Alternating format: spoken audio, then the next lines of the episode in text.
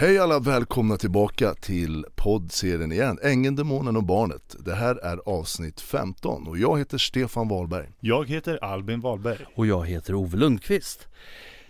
Nu har vi ju haft eh, rättegång har det varit och jag var ju tyvärr då inte med för att jag var ute på lite andra äventyr när ni satt inne i rättssalen. Så jag tänkte att det är inte bara jag som är nyfiken för jag vet ingenting om vad som har hänt.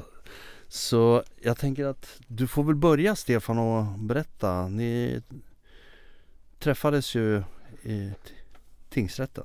Precis, eh, det var ju i förra veckan här då. Eh, en tisdag, onsdag där, där rättegången var. Och eh, ja, ja, ska jag säga lite kortfattat. det var väl mycket som jag hade förväntat mig. Jag hade ju hoppats på att vissa Eh, bland annat en viss polisman skulle mm. ta tillfället i akt och faktiskt göra eh, det han har lärt sig att göra. Att värna om sanningen och sådär. Men eh, det vart väl inte riktigt så.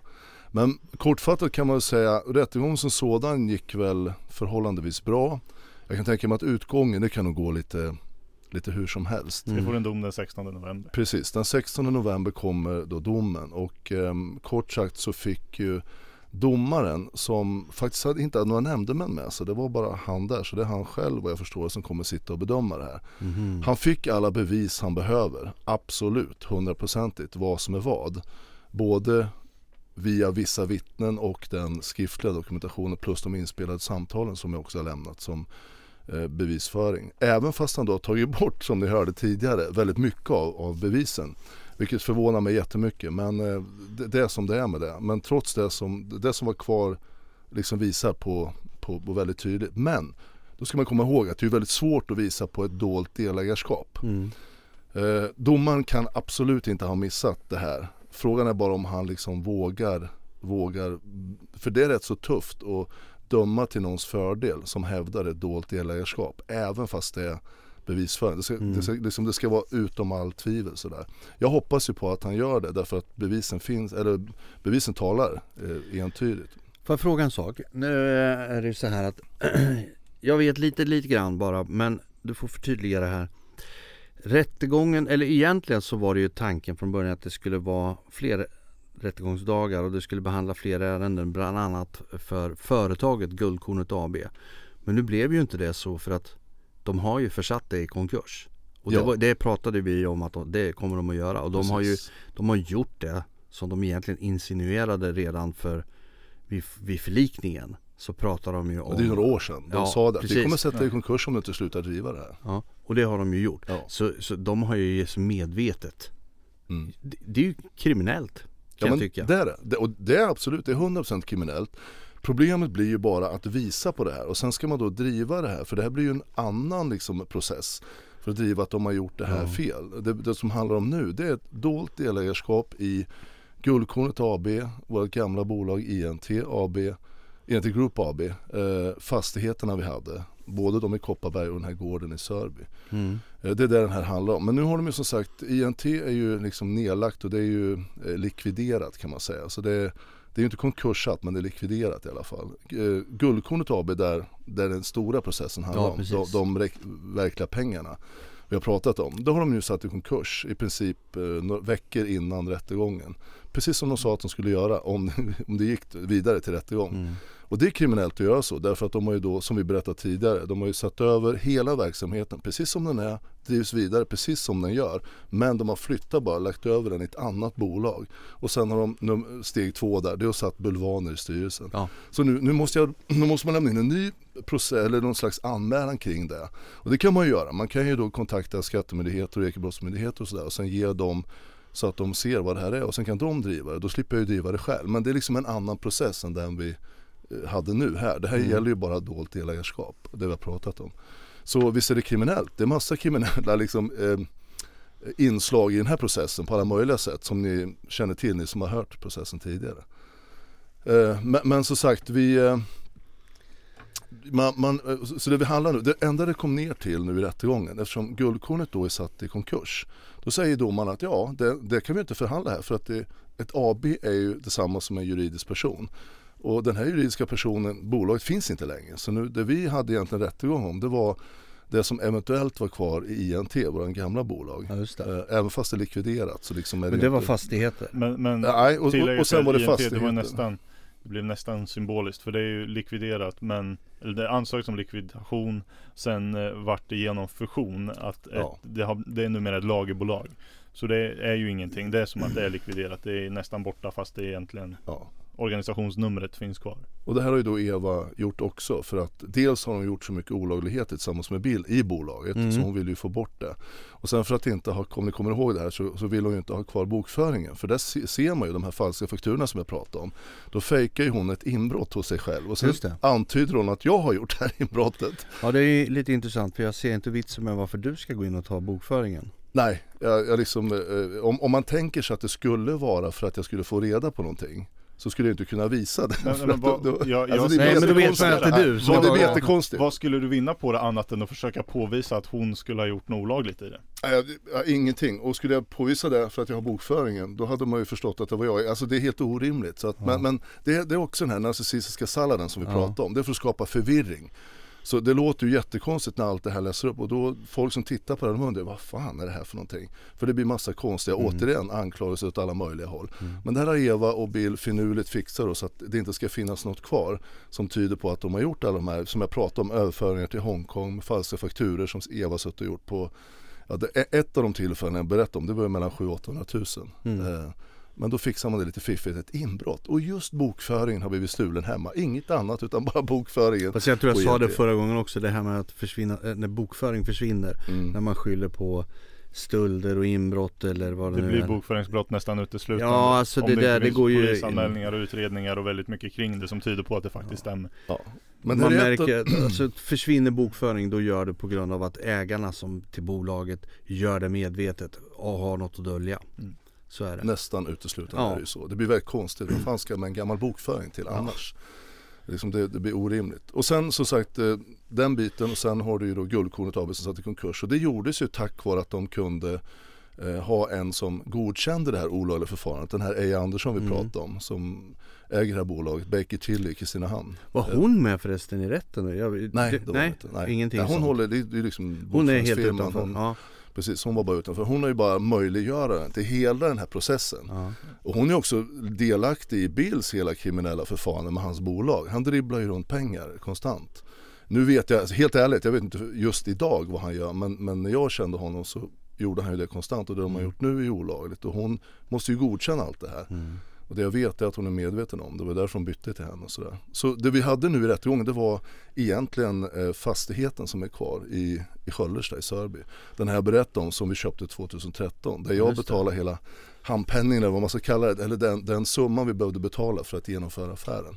Sen att det var en stor del var, var pengar till pantbrev och sådär men det är oväsentligt.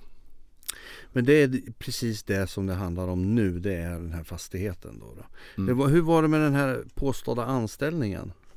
Ja, den kommer ju senare, det är ju liksom två stäm, Ja stämningar. precis. Men det är Men frågan den, vad det den, den, den, kvarstår i alla fall. Ja, alltså Den- de, de, de ser det lite annorlunda. An, det var ju anställning i Guldkornet. Och Ja, Guldkornet precis. är numera konkursat. Och då, jag, jag vet inte på rak arm exakt hur de kommer se på det men jag kan utgå från att om de kan se att det försiggick olagligheter i Guldkornet så kan ju de senare bli personligt ansvariga för att då betala ut ersättning till dig till exempel och allt annat som eventuellt skulle kunna följa. Eh, Men om, allt, om de kommer fram till att nej, men allt har skötts som det ska då, då är det ju konkursat och då är det säkert ajöken. Mm. Ja, nu kanske jag inte uttrycker mig exakt korrekt när det gäller alla, precis alla saker jag säger nu. Men, men i grovt är det så här att när eh, en, en anställd, eller tidigare anställd har krav och de är skyldiga på något sätt att göra rätt för sig en tidigare anställd och bolaget sätter i konkurs. Då kan ägarna, de som har satt i konkurs, fortfarande bli personligt skyldiga till det här. Och det är därför som domaren eh, kommer nog troligtvis, vad jag förstod när jag pratade med honom, eh, att godkänna den rättegången som kommer här inom någon Mm. månad. Var det utsatt i alla fall. För att de ser, de, lagen är till sån att, vi har ju LAS och så här, som skyddar anställda väldigt mycket. Ja, just det. Så att bara ett bolag ska- inte bara ska kunna sätta sig i konkurs, att man ska slippa göra rätt för sig till anställda. Nej men alltså det helst. blir ju lite grann så här eftersom de då hävdar att du hade inget delägarskap. Då går de över på del, de, eh, nästa steg. Det är att påvisa att du är, eller säger, påstår att Mm. du har varit anställd. Ja. Det var ju där det började. Ja. Advokaterna som du anlitade, det var väl de som tog upp det här med stämning angående eh, anställning för att då Eva och Bills sida hävdade att du bara var anställd. Ja. Då sa man att okej, ja, men då finns det ju en anställning för det är ju alla, alla ni tre, både du, Eva och Bill var ju anställda i bolaget. Jag och Eva var anställda. Du Bill, Bill var ju Okej, okej. på ett sätt passiv. Han var ju inte anställd på ett sätt. Han förmedlade klienter. Det var Ja, hans del. Jag Det var där han fick sin del. Och jag och Eva hade ju då varsin fjärdedel och var anställda också Ja. och, och skötte bolaget. Liksom. Ja. Så därför så var ju vi anställda i vårt eget bolag också. Det kan man ju vara. Ja men det är ju jag. Ja, det är inget konstigt. Nej. Eh, Så att det, det, det är ju korrekt också. Och det var därför vi valde då att lägga in även för det. Mm. Men som sagt, det är svårt nu hur, man kommer att, hur han kommer att liksom bedöma eh, det här när bolaget är satt i konkurs. Eh, jag vet faktiskt inte riktigt om den här, jag, det verkar som att rättegången kommer att bli av. Eller den förhandling som det heter då i Mm. gällande anställningen. Men vi, vi får se när det gäller det i alla fall. Men det som är intressant i alla fall, rättegången ehm, eh, innehåller ju en del och vi kommer göra några poddar där ni också kommer att eh, få, få höra lite mer om, om de som var med och vittnade. De som var vittnade det var ju de vi har sagt tidigare, eh, om ni kommer ihåg, eh, bland annat några som har skött våran bokföring. Eh, en anställd som var på INT och eh, polisen då som vi har pratat om, Daniel Elkist var ju där. Eh, och det han var ju kallad av mig för jag eh, in i det sista har jag ju hoppats att den Daniel som jag lärde känna först i alla år, som jag tyckte var bland det ärligaste jag någonsin har träffat. Skulle då gå fram och Ja. sä- säga som det var. I min värld, möjligtvis nu i efterhand så kan man kalla det lite naiva värld, men, men ändå så trodde jag att han, med tanke på också det han jobbar som polis, Han är väldigt Och mycket att brinner då förlora för- på att ljuga och fara med osanning. Ja. Begå mened och så vidare. Ja, Nej men jag tänker att det finns inte i honom att sitta Alltså- i rätten under ed. jag kan väl säga så här. Det, det, det jag har sett och det jag har hört inspelningar både, eh, eller inspelningar ifrån hans kollegor som faktiskt säger, säger rakt ut saker som han hävdar tvärtom i rätten. Ja. Så att det här är ju, det är tråkigt. Ja men vi kan lägga ut en cliffhanger redan nu. Ja, Det kommer nu i nästa, nästkommande avsnitt så kommer ni få höra där Daniel har sagt en sak i både förhör och i rätten ja. och hans kollega eh, säger precis det han förnekar. Mm. Eh, det här kommer bli jävligt beklämmande för honom. Det kan jag inte tänka mig något annat. Nej. En polis som sitter och begår mened och dessutom så kommer du nu få bevis på det också. Vilket eh, blir ju lite beklämmande. Men han har satt sig i den här situationen själv. Och jag bara, man får ju massa tankar kring, eh, kring poliskåren. Eh, och den här kollegan som Mm. ni kommer att få höra säger precis det Daniel förnekar först. Sen ringer jag upp honom igen. Och spelar, då förnekar jag att han har sagt det här dessutom. Så hur poliser generellt, i alla fall de här två, vissa poliser har inte har några problem alls med att sitta och ljuga och säga det som passar bara för att man har olika dolda liksom, syften med det. Och jag vet inte vad Daniel har för syfte. Jag kan tänka mig att han är jävligt besviken på mig. Vi var ju också vänner. Mm. Och han känner sig då lurad att jag har haft ett förhållande med hans sambo. Men det han inte tar in och det han borde ha förstått i det här laget det är att hon, Eva har ju lurat oss båda. Mm. Jag fick ju versionen att de inte hade förhållande utan de bara bodde tillsammans som vänner. Och de skulle flytta isär men det var inte rätt läge om ni kommer ihåg. Ni är ju samma båt egentligen. Ja, och han har ju fått en historia att jag är bara en affärskollega. Och de troligtvis, vad jag förstått nu efterhand, hade troligtvis förhållande. Men hon har, liksom, hon har blåst oss båda i rätt många år. Kan man enkelt säga. Och, och då sitter han här och förbannar på mig av någon anledning. Jag, jag förstår en del av det, absolut. För det är klart att det inte är helt korrekt på något sätt. Eh, ja. Ja, han, han, det bästa vore att han riktar sin ilska och det, var åt rätt håll, åt Eva men alltså, kan man tycka. ja, i alla fall henne, hans besvikelse i alla fall. Ja. Att han, hon har lurat även honom Mm. och mig med. Och sen som sagt, Jag tror nog han förstår det innerst inne. Ja, och sen, sen en sak till när det gäller Daniel som jag faktiskt inte förstår. Om han nu har lyssnat på den här poddserien, vilket han troligtvis har, om han inte har det så borde han göra det. Här hör han alltså att Bill Engman som tillsammans troligtvis, eh, det kan jag inte säga för det vet jag inte, men i alla fall Bill Engman, vi har ju bevis här, 100% bevis att han har anlitat torpeder för att ta hand om mig, Ja. ta bort mig. Hur kan han sitta som polis och dessutom inte göra någonting åt det och dessutom sitta och ljuga om det här och försöka skydda inte bara Eva utan även Bill i den här processen. Mm. Det begriper inte jag. Alltså jag, en uppmaning till Daniel, förstår du vad det är du gör för någonting? Han sitter alltså som polisman och de har ett mycket tyngre bevisvärde eftersom de är poliser. Det är så, om man tittar på det och frågar de som vet så är det så. Det är ofta det, är man polisman så nämns det ju direkt för att det, det räknas som ett, liksom ett tyngre, mer sanningsenligt bevis. Han kanske, han kanske har skäl för att ljuga. Ja man kan ju spekulera, absolut. Men, Han kan men, ju vara hotad eller vad som helst. Vi, vi, vi har ingen aning, kan ju bara spekulera. Ja. Ja men tänk, precis, men tänk er den tanken. Han vet nu att Bill, det har han ju hört. Om han inte annat så kan han ju lyssna på det. Det är, ju, det är ju direkta samtal och spela. Han vet att det är torpeder anlitade för att ta bort mig. För någonting som han egentligen vet själv är helt fel. Han vet ju att jag är delägare. Han vet ju, han har varit med i alla processer. Vi hade ju alla samtal i princip tillsammans med honom, jag och Eva. Ja, och sen tänker jag så här, ni jobbade ju ganska tätt ihop också i Kopparberg. Mm. Eh, det är ju inte så att man inte lär känna varandra när man jobbar så tätt, utan Nej. tvärtom. Nej, vi, Han måste ju ha varit väl medveten om hur det låg till eftersom han stod och slog spik ihop med dig. Ja, men vi, vi pratar ofta faktiskt om hur, och han som sagt, kom ihåg då, då att, att Eva lurade oss båda. Ja. Även i Kopparberg så tror jag fortfarande att han trodde att de var ett par och vi bara var affärskollegor. Eh, Och han liksom går med den, här, med den här tron och han uttrycker hur glad han är för Evas skull, att jag gör det här för Eva. Det var många gånger han sa, jag är så glad att du gör det här för Eva och du tar med henne i ditt företag och att ni driver det här och att ni, du liksom, han var så glad för Ja. det hela tiden. Får jag fråga en sak? Mm. När ni höll på uppe i Kopparberg, hur stor del hade Eva i arbetet där uppe?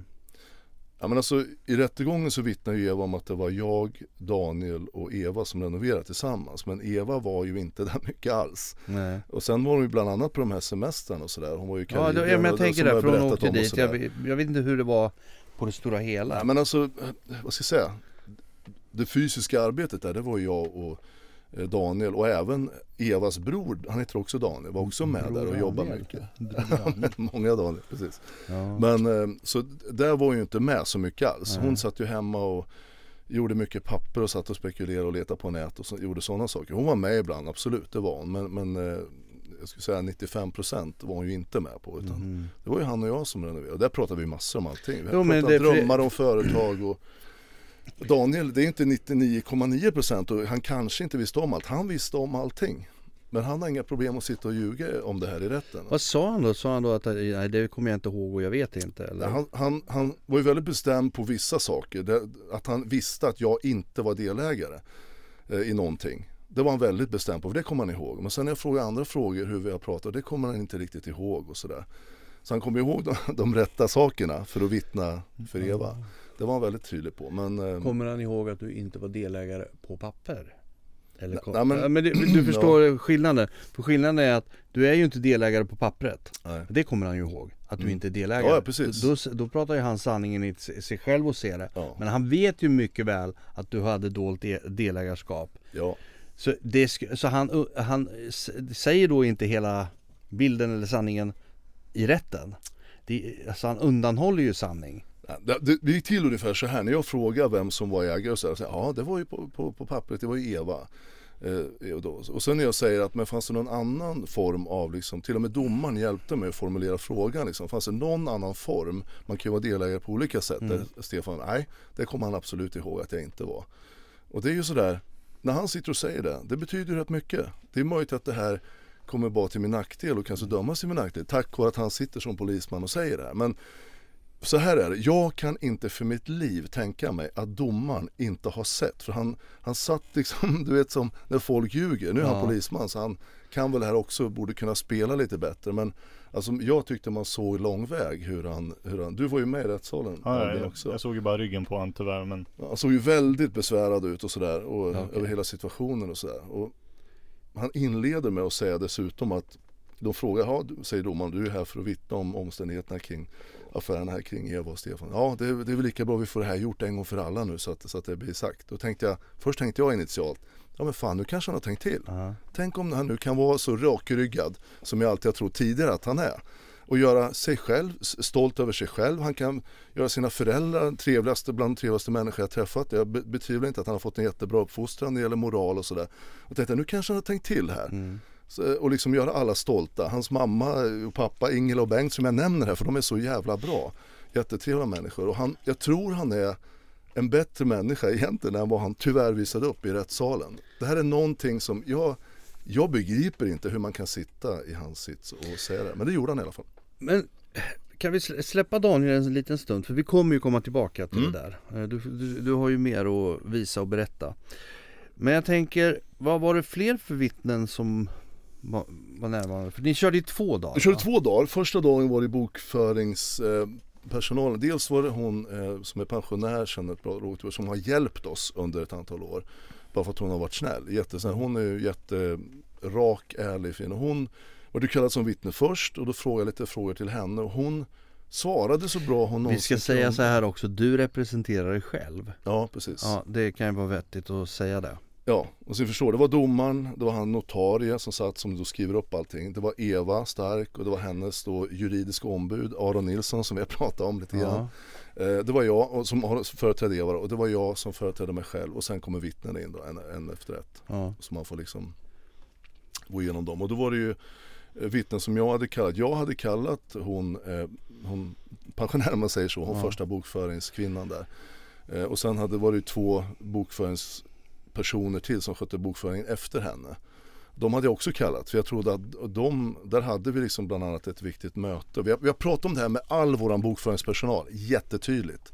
Så att alla vet ju att jag är, är delägare också. Men när man väl sitter där och de då ska säga att det är klart att man som jag påpekar i min slutplädering, det är ju ingen som kommer säga att ja, jag, de pratar om att Stefan var dold delägare. Så uttrycker man sig inte. Utan de har ju då försökt att berätta om hur allting gick till och hur, hur det var att vi ägde det tillsammans. Men, men eh, Om de Men- skulle men- sitta och säga det rakt ut i rättegången så skulle det innebära att de ja, men, erkänner att de har vetat om saker som de är skyldiga att anmäla till Skatteverket och så vidare. Ja man måste ändå nämna det. De som jobbar professionellt med bokföringsfirman, de två sista kvinnorna som tog över bokföringen tror jag månadsskift, eller årsskiftet där 16-17 när vi då skulle starta Guldkornet av ja. vi hade hållit på ett tag. De, alltså det är ju så, reglerna, man, om du vet om att det finns en dold delägare så är det väldigt tveksamt om det överhuvudtaget är lagligt. Så att de inte, de här två bokföringskvinnorna som hade, de har ju en liten bokföringsföretag Eh, Maria Salsjö och Margareta Olsson heter de. De har ju något som heter Makro heter det tror jag. Eh, I Hallsberg. Men hur som helst, om de sitter och erkänner att de visste om det här. Då kan det faktiskt bli juridiska konsekvenser för dem, rättsliga konsekvenser. Så jag förstår att de inte pratar rätt ut om det. Och tillsammans med att de känner ju Eva lite bättre än mig. Jag hade ändå hoppats på att jag kallar dem till rätta. Men hur, hur uttryckte de sig? Att, var det att de inte visste eller hade de Kommer du ihåg hur de Ja men jo men det gör. Alltså man får först fråga då vad deras uppfattning är om vem som äger företaget. Och då blir det ju Ja det var ju då på pappret var det ju Eva som hade alla aktier och sådär. Och det var det ju. Ja. Det, det är liksom, tycker vi ju samma. Men sen när man bara frågar mer om det finns ett dolt del- delägarskap. Och till exempel så hade jag ju eh, Det första som hände när vi bytte bokförings, nu skaffade de här som bokföringsföretag. Det var att hon den äldre, det var mamma och dotter, Margareta där. Hon ville ha ett möte för att klara ut, eh, det första hon frågade oss. Hur, vad är det här? Stefan tar ju mycket beslut och det är hans men hur, hur, är, hur ser ägarskapet ut? Då sitter jag och Eva och berättar om, ja, men vi äger det tillsammans men det står på Eva för jag har haft lite trassel. Jag förklarar min historia för honom precis som det var. Och då efter alltihopa den förklaringen så säger de okej bra, då vet vi och så kör vi och sen körde vi efter det. Och kom ihåg nu, jag hade ju egna konton här och jag var med på liksom bokföring på, på, precis på samma sätt som Eva hade samma rättigheter och möjligheter och tillgångar till allting. Men sen när de då kommer till rätten så tänker jag att de sitter under red. Alltså det är ju brottsligt att ljuga om, om när man sitter under red då får man säga, ta mig fan säga sanningen. Och det var min, i alla fall du som sagt i efterhand, naiva tro att de skulle göra det. Men jag har också en liten, liten förståelse för att de, det, är ett- det är ett svårt läge för dem att sitta och erkänna att de har gjort fel som de kan, faktiskt kan bli dömda för i efterhand. Så de sa väl, om man ska vara riktigt ärlig, så mycket de kunde men de, de kunde ha sagt det lite tydligare. Så att, eh, för de återgav inte det samtalet vi hade som var helt avgörande när vi skulle börja Nej. jobba med dem till exempel. Nej, Det kanske finns många olika sätt att slingra sig ur en sanning ge- genom att liksom använda alternativa förklaringar Mm. Eh, som låter trovärdigt men eh, och kanske också till och med stämmer Mm. för att undvika den liksom kärnfrågan. Eh, men hur var det, var Bill närvarande? Ja, det här var ju dag, dag ett nu. Sen Ja. dag två, då hade jag kallat in en anställd. Och sen kallade jag in Daniel då, för jag trodde att han skulle liksom klargöra för allting. Och sen kallade Eva in eh, Daniel också och Bill Engman. Som vi känner till vid det här laget. Och då tänkte jag att, eh, ja men de sitter här så borde de väl kunna jag, jag tänkte så här, Bill Engman han kommer ju att göra precis som han brukar göra. Ja. Sitta och, och vara den här lite lugna personen och liksom bara sitta och råljuga för det har ju inte han några problem med. Och det gjorde han. Rätt så bra. Eh, men eh, jag, jag valde som, som i slutet av min, min förhör med honom. För Ja. jag får, då får ju, eftersom det var Evas vittne så får ju de prata först och sen får jag ta över och ställa mina frågor. Och sen valde jag att som avslutning fråga honom angående en konversation som jag hade lämnat in som bevis. Om, där vi pratar om uppgörelsen. Och där han har liksom var helt med på det. Och då plötsligt så kommer han inte ihåg någonting. Han kommer inte ihåg någonting. Så, här. så det blir ju väldigt tydligt och jag, jag, jag också såg på honom extremt tydligt. Han såg ju jättebesvärad ut och hur det, det kan inte ha undgått domaren tänker jag. Men återigen, jag vet inte hur, hur modig domaren är. Men jag får ändå ge honom som sagt eloge för han var, han var under rättegången så var han bra och jag kände att han var rättvis. Han hade och, ändå jävligt mycket överseende med att du inte kunde fackspråket i rättsliga sammanhang och Ja, att du är absolut. liksom en vanlig människa, du är inte jurist liksom. Så Nej. jag kan var- ju jag har noterat att jag kan i alla fall prata anständigt i alla fall. Ja. Hoppas jag att det blir uppfattat Jo, så. men Men, däremot får i ju- rätt sammanhang så är det, det är ett helt Man måste ju helt formulera språk. sig på specifika sätt. Ja, och till exempel när du ställer frågor så måste du ställa hela tiden öppna frågor. Du får inte ställa ledande frågor, du får inte diskutera liksom du ska ställa frågor. Det är raka, öppna frågor. Och det där måste du tänka på hela tiden och där är det ju inte så lätt. Så att i början fick jag justera till mig lite grann och det tog jag ju såklart och sen gjorde jag det och sen vart det bättre. Men det blir ju också svårt när man, när man frågar om specifika frågor, alltså s- specifika saker som har hänt. Så blir det ju lätt att man måste på något sätt fånga in om det är en situation så måste man ju prata om när det är och sådär. Men fortfarande måste du tänka på att ställa de här öppna frågorna. Men jag tyckte han var bra faktiskt. Just under rättegången får jag ge honom en eloge faktiskt. Trots att han låg lite på minus i mina ögon. Han tar bort så mycket bevisföring. Men rättegången gick faktiskt, eh, ja men den gick väl bra så sett. Vi kommer ju få anledning att återkomma till det här för att Mm. Så vi tänkte vi får väl dela in det här i lite och mera de, detaljdyka i För det, det är ju en del saker som du eh, nämnt lite, lite grann. Jag, jag är alldeles för långt ifrån insatt i, i det här än. Men det finns några saker som vi ska dyka i. Därför att det finns ju faktiskt material som hävdar motsatsen vad de sa. Exakt. Och vi får väl absolut anledning att återkomma till det. Mm. Mm. Ja men det, det gör det absolut. Så blir det nu kan man säga, nu har vi ju nu har vi passerat rättegången så nu kan vi mer koncentrera oss på, på resten så att säga. Mm. Och vad som, nu kommer ju domslut där den 16 eh, så får vi se vad det säger. Jag hoppas ju att domaren är modig Mm. och gör det han liksom ser. Han, han dömer efter det han har sett för bevisföringen är så pass tydlig. Men eh, vi får se då, det kan gå nog precis åt vilket håll som helst, det tror jag nog. Ja. Eh, Men eh, vi gör så här att vi tar och avrundar här idag och Mm. sen återkommer vi i nästa avsnitt om de ljugande poliserna. det låter, Jag tror det får heta så. Ja, nej, men det, det, det, det kör vi. Och då ska ni få höra på något spännande, det lovar jag. Ja. Jättebra. Ja.